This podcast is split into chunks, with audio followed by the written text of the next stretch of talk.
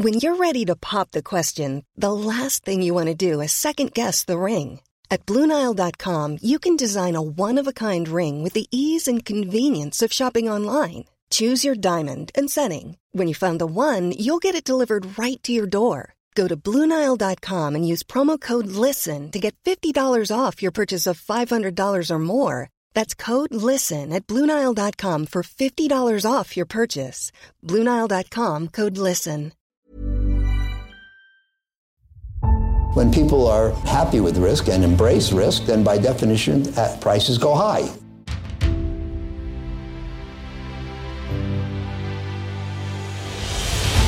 When the cycle turns down, they generally sell at prices that are far too low. This is not about getting more information. We live in a world where we have too much data. I'm uh, happy to report another stable quarter.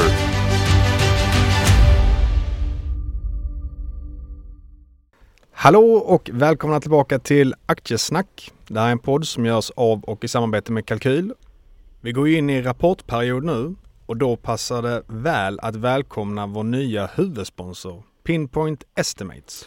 Pinpoint är plattformen för dig som vill se vad andra har estimerat inför dina aktiers rapporter. Vi har redan sett vinstvarningar från en drös med bolag som Electrolux, Thule och NCC. Så om det någon gång är bra att ha koll på estimaten för sina bolag så är det ju nu.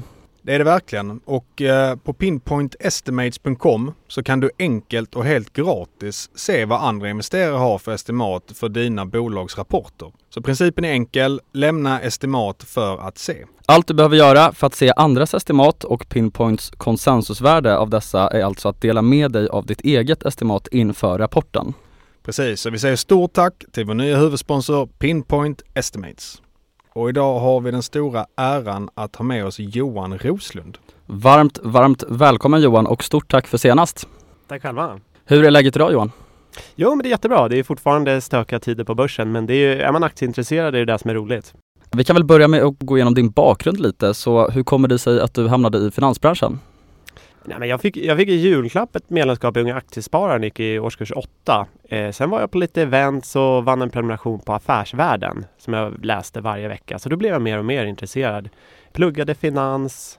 Sen var det faktiskt väldigt hett med e-handel ett tag så att jag började min karriär som, som CFO i e-handelsbranschen. Men har sen jobbat med, med VC och fondförvaltning och nu som, eh, som egen. Och innan du började investera på heltid så var du förvaltare på GP Bullhound. Kan du berätta lite mer om vad du gjorde där och vilka bolag du fokuserade på? Mm. GB Boland har ju tre publika fonder så att de har en stor techfond som investerar i de stora techjättarna. Sen har man en hedgefond och en e-sportfond också. Men tanken med, med, med fonden är att investera i de ledande techbolagen Eh, och man har ju kontor i San Francisco, London och Hongkong så att man har en bra, bra pejl på, på de olika bolagen. Är det samma bolag som du investerar i nu som du tittade på när du var förvaltare på JP Bullhound? Alltså från ditt privata investmentbolag? Nej, men som jag ändrar det så är det väl att jag har fortfarande de stora eh, techbolagen som bas. Sen ungefär halva portföljen är nordiska, nordiska techbolag.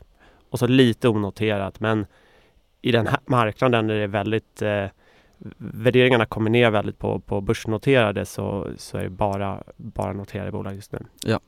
Jag tänker att vi idag ska fokusera lite extra på just techbolagen och kanske framförallt de större då och eh, amerikanska techbolagen, även lite kinesiska. Så vilka av de här bolagen tycker du är mest intressanta just nu och varför? Det där är ju alltid en svår fråga. Det beror ju på vad man, vad man letar efter lite. Just nu som marknaden ser ut så skulle jag lägga pengarna där man har relativt begränsad risk. Och bland de riktigt stora så är ju Microsoft och Alphabet två bolag som, eh, som både är så stora, har så stora nettokassor men också bra affärsmodeller att de, eh, de kommer klara sig väldigt väl de närmaste åren. Ja, och på tal om det så brukar ju Google Search ofta lyftas som kanske den businessen som har bäst moat i hela världen. Så vad tror du om det? Alltså vad ska bräcka Google Search? Finns det någon typ av konkurrens som skulle kunna slå ut det på sikt? Ja, men största risken är ju regulatoriska. Det är mm. ju ett globalt monopol. Det är bara Kina och Ryssland där man inte, inte finns av förklarliga skäl. Så det är ju det regulatoriska. Men de är så överlägsna. Man ser ju till och med att Apple skulle ju ganska lätt kunna lägga in en egen sök för att de har reachen men, men de har valt att inte göra det.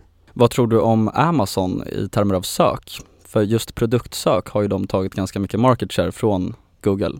Nej, men I USA så är Amazon så otroligt stark. Där är man ju första destination för produktsök. I Europa, på eh, tyska och, och spanska och engelska marknaden är man ju också rätt stor. Men jag tror att det Google har, det är ju, det är ju bredden. Jag tror Google Maps är jätteintressant att, att ta mer marknadsandel när det gäller offline till online. Alltså att göra, göra det lättare att hitta vanliga butiker men göra det när man är på mobilen. Så att absolut, Amazon är jätteduktiga på, man, man ser att deras annonsdel växer ju väldigt kraftigt. Mm. Men jag tror det är så stor marknad så att det är ingen som skrämmer Google. Men tror du att Amazon skulle kunna konvertera där de är starka i sök på produkter till någonting annat också inom sök? Eller tror du liksom att det avgränsas där? Självklart, de expanderar sin business hela tiden. Man ser ju det inom media.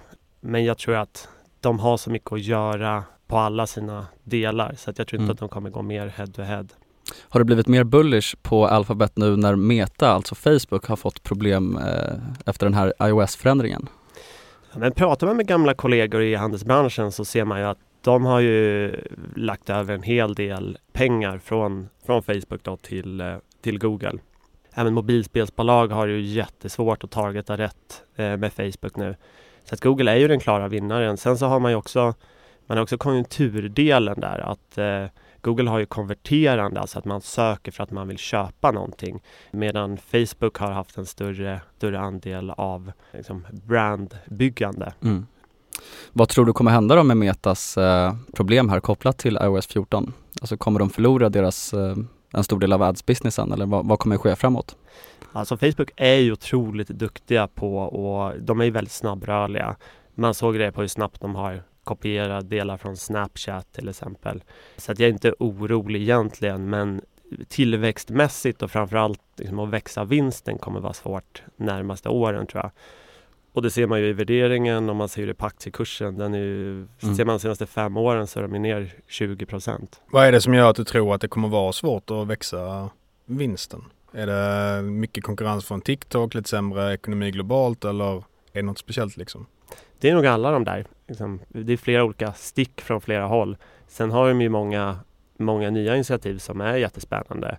Även om jag tror inte att metaverse kommer bli kanske så stora som, som Meta vill utge det för att vara så, så kommer det absolut vara en, en, en tillväxtdrivare framöver. Och när vi ändå pratar om de här bolagen vad tror du är mest intressant på sikt då av Google Cloud, Microsoft Azure och AVS? Det där är ju tre jätteintressanta produkter som tyvärr är väldigt inbakade. Man kanske får mest exponering om man, om man köper Amazon-aktierna. Där om, om man pratar avknoppningar så tror jag att den skulle skapa rätt mycket värde och den är inte jätteknuten heller till, till övrig verksamhet. Så att jag, jag tror alla har sin plats. Microsoft Azure, den är väldigt kopplad till andra Microsoft-produkter. Google var väldigt kopplade till AI till exempel, så, så kör man mycket Google TensorFlow som är en open source som är ledande inom AI. Då så, då så funkar den bäst på Google Cloud. Och vad tror du kommer ske givet de här regulatoriska påtryckningarna som vi ser för, gentemot de här bolagen? Kommer till exempel AVS särnoteras? Jag skulle vilja se det. Eh, det pratas ju mycket om att även eh, Youtube skulle kunna särnoteras. Det kanske skulle vara 30 procent av, av Alphabets börsvärde till och med. Man pratar om 400 miljarder. Men där finns ju en naturlig koppling, alltså med, med ads. Att man delar teknologi och man kan dra användare till, till varandra. Men, men e-handel och, och cloud, visst det började med att man behövde väldigt, eh, väldigt avancerat cloud för att kunna klara av pikarna runt jul. Men idag så skulle man ju eh, lika väl kunna vara en kund till AWS som man har det som ett, ett dotterbolag. Precis, och Amazon är ju största kunden till AVS, alltså ja. Amazons e-handel, vilket är rätt kul. Och Netflix är också en väldigt stor kund. Men sen är det också många tredjepartsförsäljare på Amazon som också är kunder till AVS ju, så då skulle det kunna vara någon typ av datafördel som de får där också ju. Mm. Alltså gentemot konkurrenter egentligen. Men vad tycker du är mest intressant inom Alphabet? Är det Google Search eller Youtube?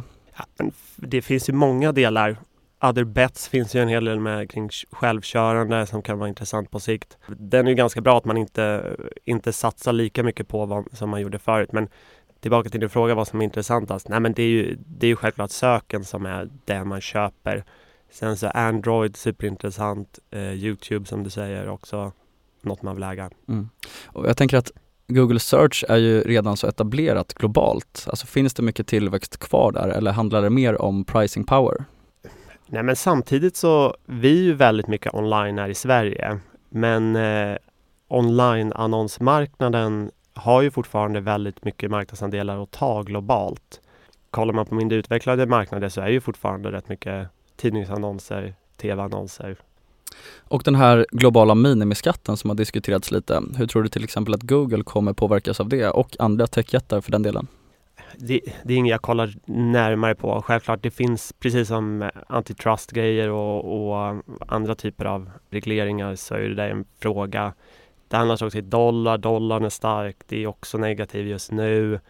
Det är, lite, det är lite externa faktorer som jag inte riktigt tittar jättenära på, även om man ska ska självklart väga in det i värderingen. Mm. Och du nämnde ju stabilitet tidigare och till exempel Microsoft, att det också kunde vara ett bra play. Vad tror du kommer hända med det här eventuella förvärvet av Activision? Jag tror att om de inte får okej okay från konkurrensmyndigheter så kommer nog Microsoft-kursen gå upp på det.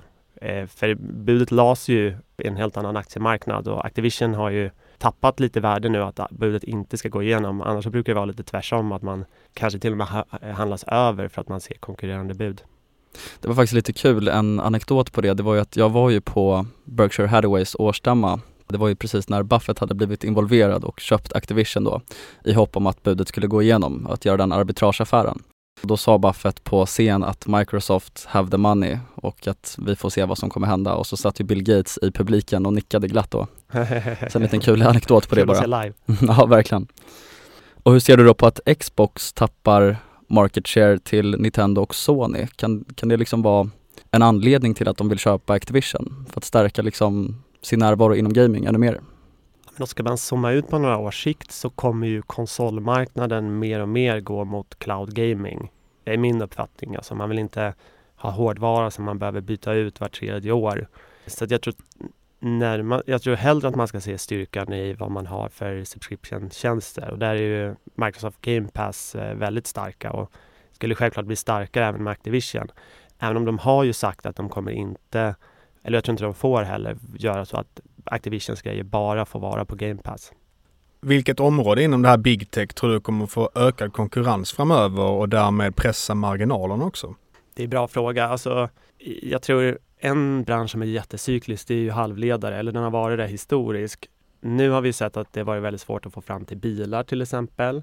Samtidigt vill USA och EU eh, bygga jättemycket fabriker för att inte alla ska ligga i Korea eller Taiwan som det är idag. Så det är risk att vi får ett väldigt överutbud på väldigt enkla typer av chip. Sen så tror jag att de avancerade chippen, de som man har i mobiler och klockor som behöver vara väldigt små, strömsnåla och snabba och sådär. De kommer nog priset hålla öppet på, men, men det är nog risk på lite billigare chip. Och på tal om det, hur ser du på ASML eh, då?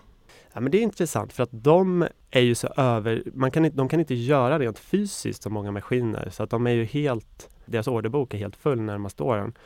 Och de, det spelar inte så stor roll att det blir överutbud på de här enklare chippen för de har de redan sålt maskiner till. Däremot när man ska göra de här väldigt små avancerade, man pratar väl om 3 och 4, 5 nanometers, då så behöver man helt enkelt nya maskiner.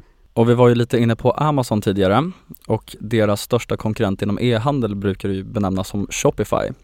Det är ett bolag som har haft, väldigt, haft det väldigt tufft och aktiekursmässigt senaste året. Hur ser du på värderingen just nu? Ja, Shopify är väl tillsammans med några andra i, i den här klubben som har fallit kanske 70-80 procent från piken. Shopify hade ju en fantastisk period under covid när alla eh, mindre e-handlare och även en del större ploppade upp och började sälja grejer och gick väldigt bra. Sen nu har de ett problem att de har väldigt hög körn, att väldigt många av de här små eh, Instagram-säljarna till exempel faller av. Samtidigt så gör de stora investeringar i logistik för att konkurrera med Amazon. Så att de inte bara techplattformen med betalningar och, och appar som är väldigt fin business utan de bygger även lager och, och robotlösningar. Eh, så långsiktigt tror jag att det, det är ett bolag som, som kan vara lite nummer två efter Amazon och för de e-handlare som inte vill vara på Amazons plattform utan gör det själva. Men kortsiktigt ser det ju fortfarande jättesvårt ut för att man tappar mycket kunder och man har mycket, mycket investeringar. Och Shopify har ju alltid haft någon typ av premievärdering, alltså kontra andra bolag eh, som gör liknande saker. Vad tror du är anledningen till det? Men det finns ju några Big Commerce, WooCommerce, men jag tycker att när man pratar med eh, kunder till Shopify så är de väldigt nöjda och väldigt många av slutkunderna väljer dem för att de har bästa, bästa erbjudandet. Och du sitter ju också med i styrelsen i Nordic Asia Investment Group. Berätta mer om din roll på bolaget. Precis, de är noterade på First North sedan, sedan förra året. Jag tog över som styrelseordförande på senaste eh, stämman. Eh, min roll är väl egentligen att jag kommer lite mer från investerarsidan och även lite corporate governance via aktiespararna och sådär. Så att jag brukar säga det att jag är den som kan Kina sämst i, eh, bland, bland alla på Nordic Asia. För att det finns ju ett analysteam i Shanghai. Vi har Jin, eh, som startade som, som har varit på Melker Schörling och sen på Assa Abloy och åkt runt i, i Kina. Och hur ser du på den här politiska risken som verkligen har eh, manifesterats också i aktiekurserna på de kinesiska techbolagen? För att för bara typ två år sedan så var det väldigt hypat. Så vi såg till exempel Charlie Munger köpa aktier i Alibaba och så vidare. Så hur ser du på det här? Nej, men jag tror nästan alla globala fondförvaltare de hade ju en liten allokering mot främst Alibaba och Tencent som var nästan lite så must have-aktier. Och nu har nästan alla gått ur och det ser man ju aktiekurserna. Alibaba noteras ju 2014 och kursen är ju, är under vad det var 2014 även fast det är ett mycket större bolag de politiska riskerna, det ser man ju bara på Ryssland, de är, de är absolut där. Men jag tror att det gör, alltså till Nordic Asias fördel är ju att det blir svårare och som placerare bara köpa Alibaba och Tencent och sitta still. Man behöver snarare någon, någon med lokal representation som, som kan marknaden. Och det har också varit, blivit svårare att handla. Eh, väldigt många avnoteras från USA och istället noteras i Kina. Har du någon favorit bland de här kinesiska techjättarna? Alltså mitt tips om man är intresserad är att signa upp på, på Norgasias nyhetsbrev. Där, där, står det väldigt utförligt om många, många bolag. Jag har ju alltid gillat Tencent eftersom jag är lite till viss del gaminginvesterare och man har eh, League of Legends och Epic och sådär. Så det skulle jag nog fortfarande säga. Eh, sen har det ju alltid funnits, om man ska gå lite djupare där, finns det ju en, en struktur när man kan handla Naspers i Holland och sen så, eller förlåt, Prosos i Holland eller Naspers i Sydafrika om man vill ha ännu mer rabatt på rabatt. Men vi ska nog inte gå in på den diskussionen. Man kan, man kan googla lite kring det där. Så. Mm. Jag har för mig att JD.com har varit ett stort innehav i Nordic Asia Investment Group. Det har det varit. Det har tagits ner lite. Just nu är väl ungefär 7% av portföljen sådana bolag som är noterade mm. i USA, alltså inklusive Alibaba, JD. Så att man har mer och mer gått mot de lite mindre bolagen fortfarande stora självklart, men bolag till exempel inom elbilar, avancerade LED-lysen till bilar och, och kameror och sådär som, som är mindre beroende också av konsumentmarknaden. Men eh, kinesiska elbilstillverkare, hur, har du någon syn på dem i relation till Tesla som vi pratat om lite de senaste avsnitten? Ja, men motsvarigheten till Tesla är väl Nio. Jag träffade dem på Slush i Finland för några år sedan och supercool VD coola, coola bilar. Det är väl de som kan mäta sig. Sen finns ju BYD som eh, eh, Berkshire Hathaway om man ska nämna dem igen var, eh, var investerade i förut. Jag vet inte hur det är nu. Men många har ju haft det svårt och, och eh, Tesla ska man komma ihåg, de är ju jättestora även i Kina och sälja till kineser. Så om vi går in lite mer på din investeringsstrategi då.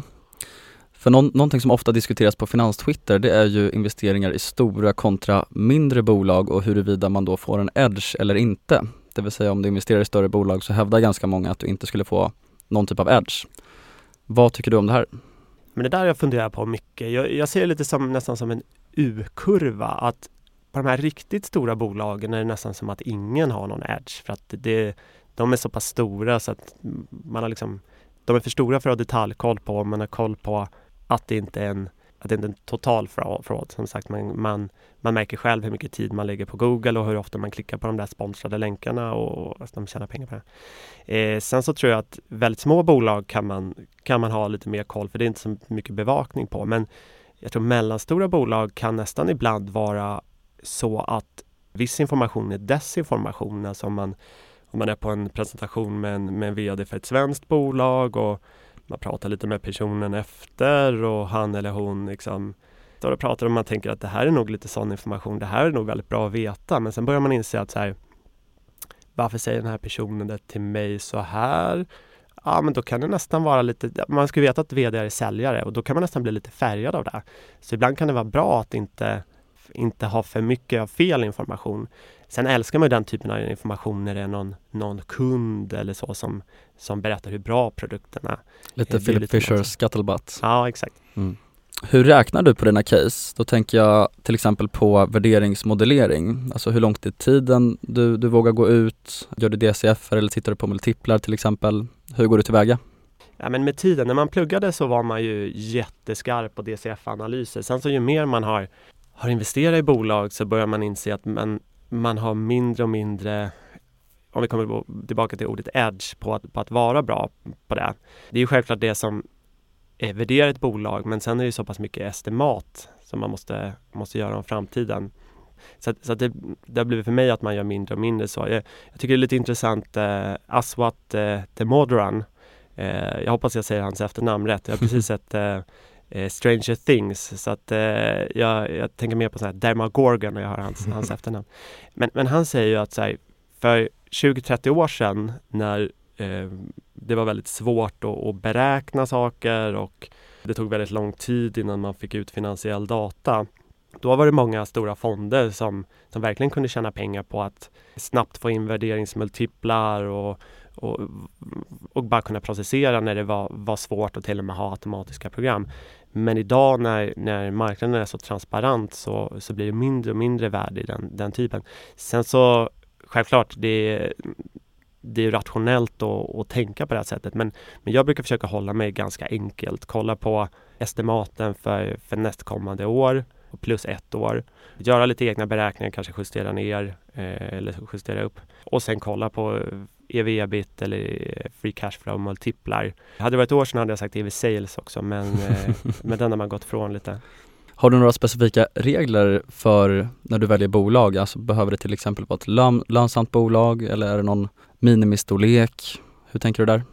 Eftersom jag investerar mina egna pengar så har man ju egentligen inte det. Som, som, som fondförvaltare hade man ju väldigt mycket, eh, vilket nästan på ett sätt var bra. Nu så skulle det nog vara bra att sätta upp lite regler men samtidigt så tycker jag att tar man en mindre position så kan man göra det även i ett mindre bolag. Men ska man gå upp i, i storlek på kanske 5% av portföljen eller över då ska det vara precis som du är inne på där, ett, liksom ett lönsamt bolag eller ett bolag som är på väg till lönsamhet men man investerar väldigt kraftigt i marknadsföring som man ser är men var det, var det därför du var inne på det med EV Sales, att du inte kollar på det längre så mycket? Du vill att det ska vara mer lönsamt nu när marknaden är lite tuffare? Ja men precis. Förra året, eh, nästan alla bolag som kom till eh, amerikanska börserna, även SAS-bolag, de premierades ju på att växa snabbt. Och då får man både köpa mycket marknadsföring, ha dyra säljare, mycket säljaktiviteter. Och det gjorde att man inte var lönsam i det korta perspektivet. Sen hade man ju också väldigt mycket stock-based compensation som man fick justera. Så det var ju väldigt många lager som man behövde justera för.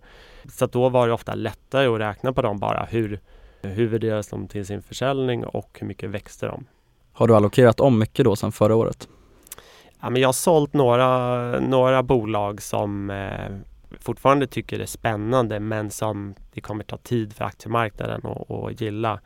Vill du ge några exempel? Ja, med JFrog till exempel i USA som håller på med uppdateringar. Så när man ska uppdatera sin programvara så kan man gå via dem. Eh, det blir mer och mer komplext när det finns många plattformar och sådär.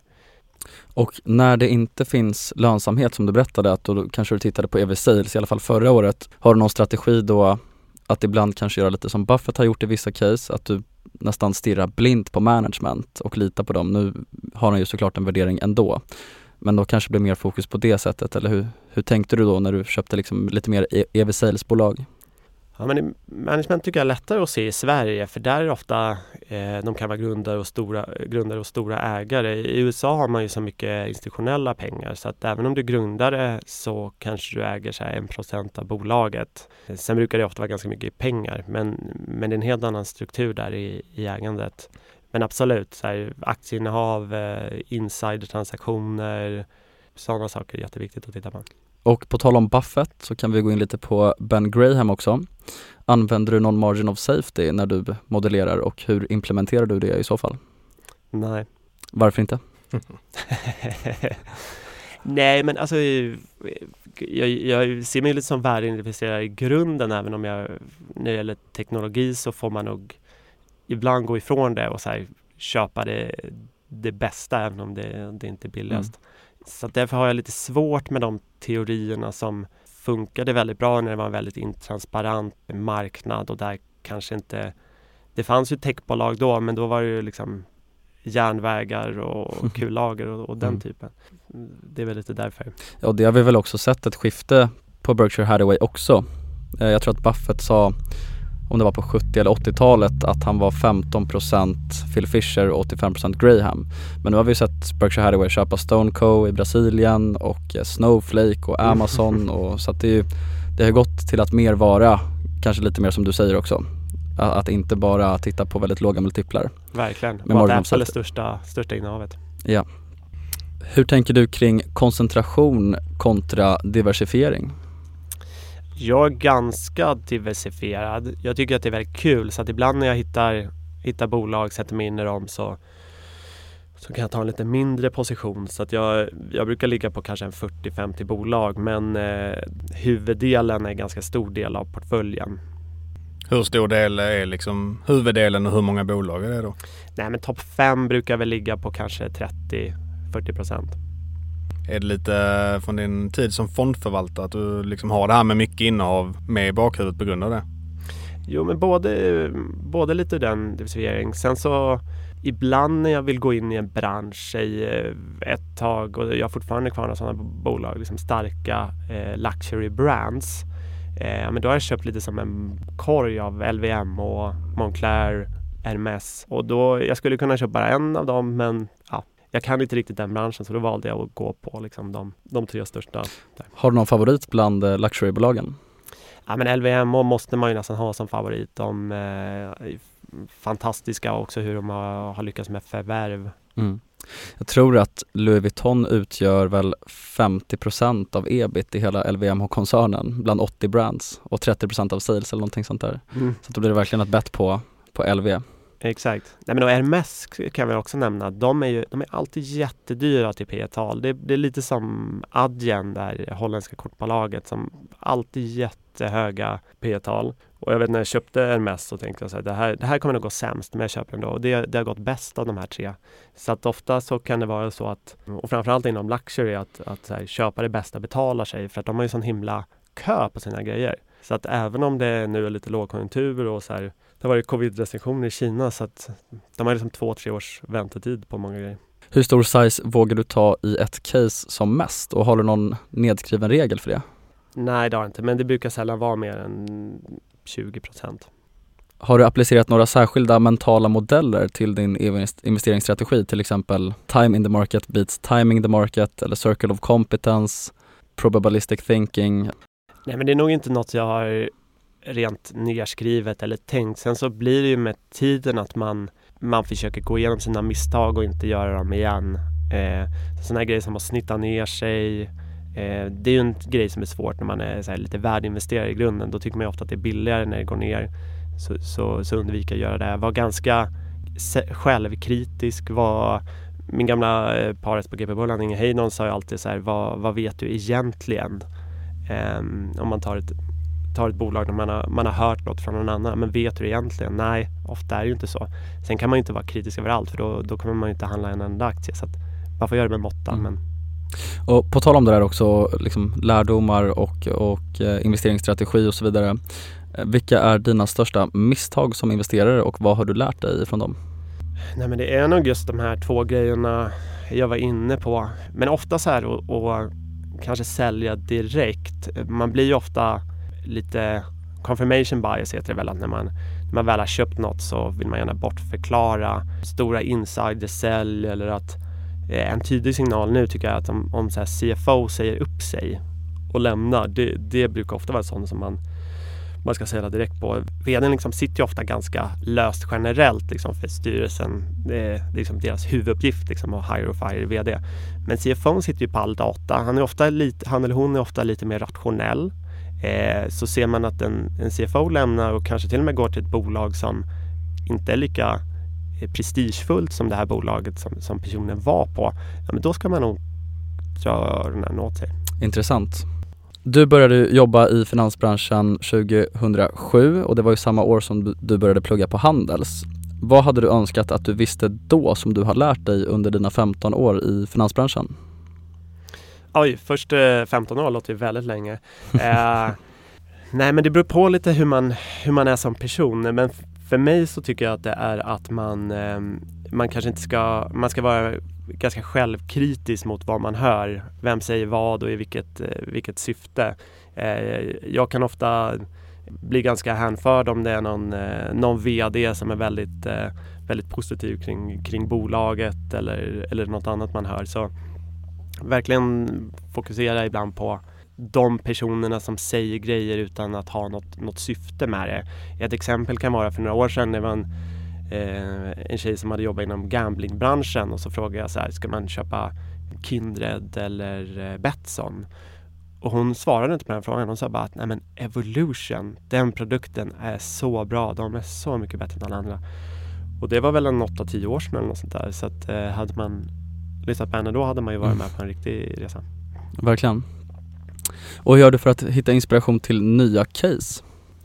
det är lite blandat. Alltså på Stockholmsbörsen så, eh, som jag sa där när jag, när jag började med aktier så, så gick jag igenom i stort sett alla bolag på börsen och sen så när det var IPO så har jag i stort sett tittat på alla.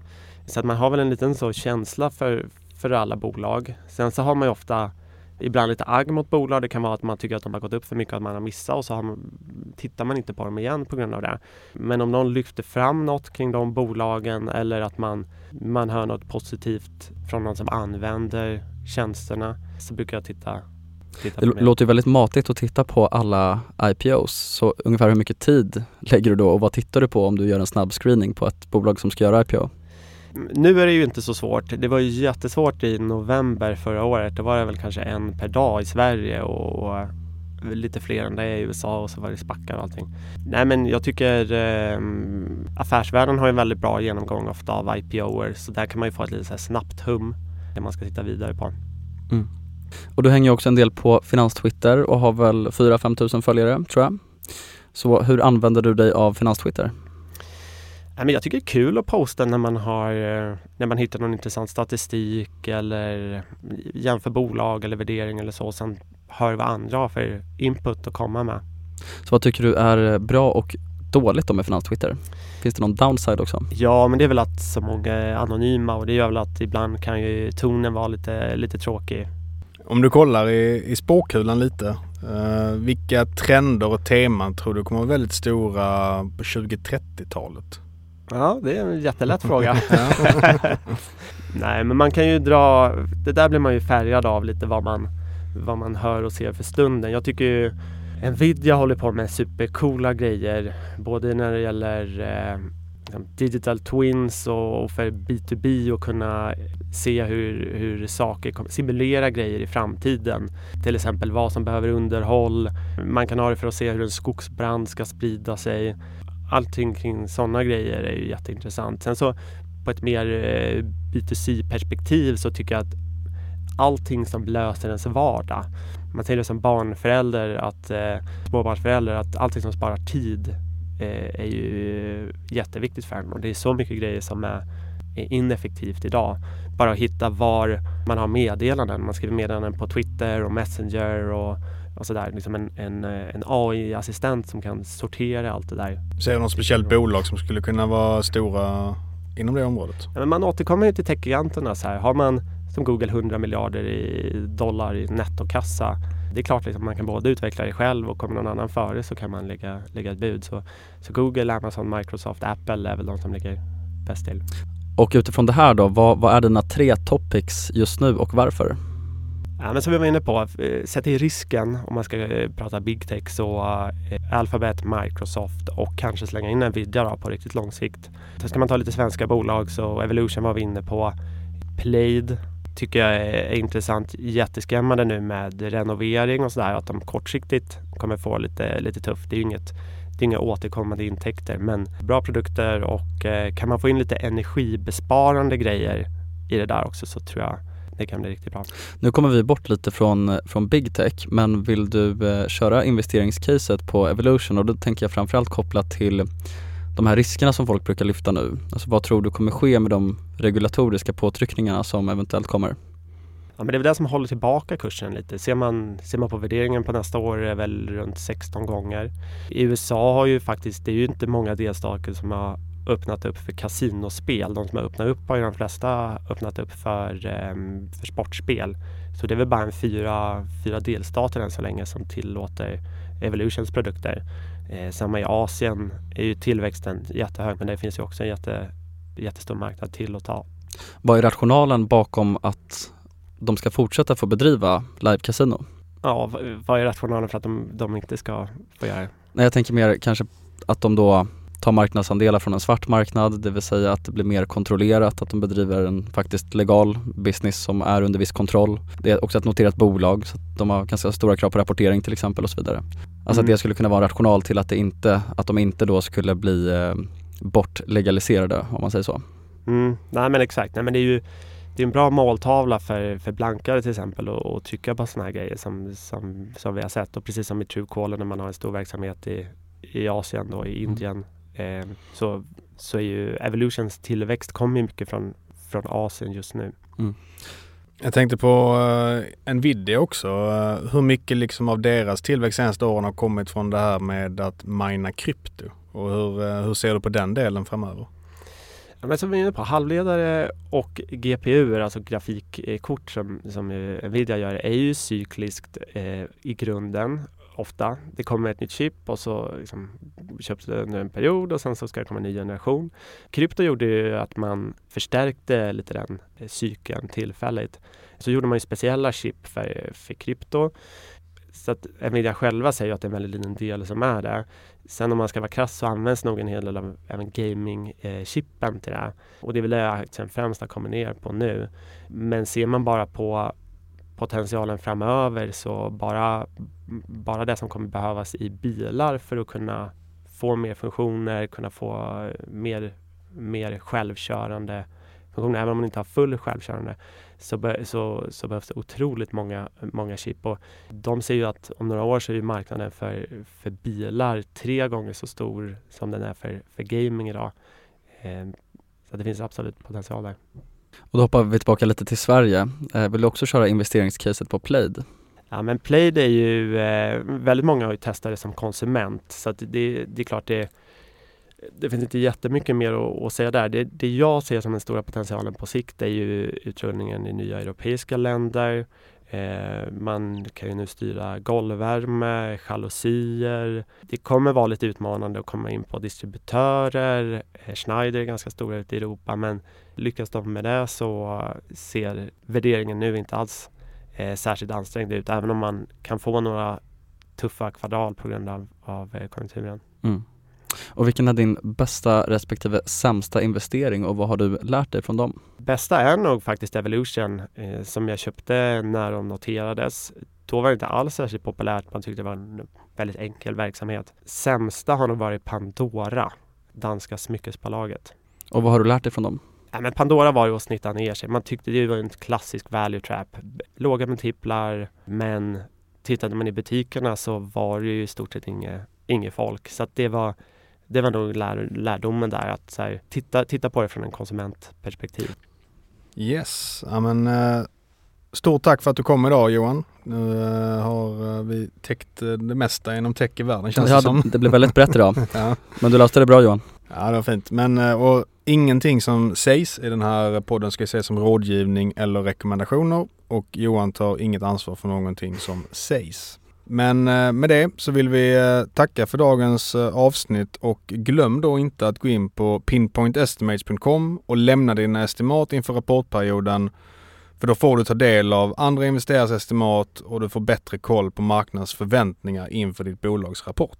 Vi har lämnat våra estimat på de bolag vi är intresserade av så gör det du med. Och stort tack till vår huvudsponsor Pinpoint Estimates. Och framförallt stort tack också till dig Johan. Det har varit väldigt lärorikt idag. Så kul att du ville gästa. Kul att vara här. Suveränt. Så uh, hörs vi igen uh, nästa vecka. Och jag glömde tacka alla lyssnare också. Så stort tack för det här avsnittet så hörs vi igen nästa vecka. Ciao! Ciao ciao!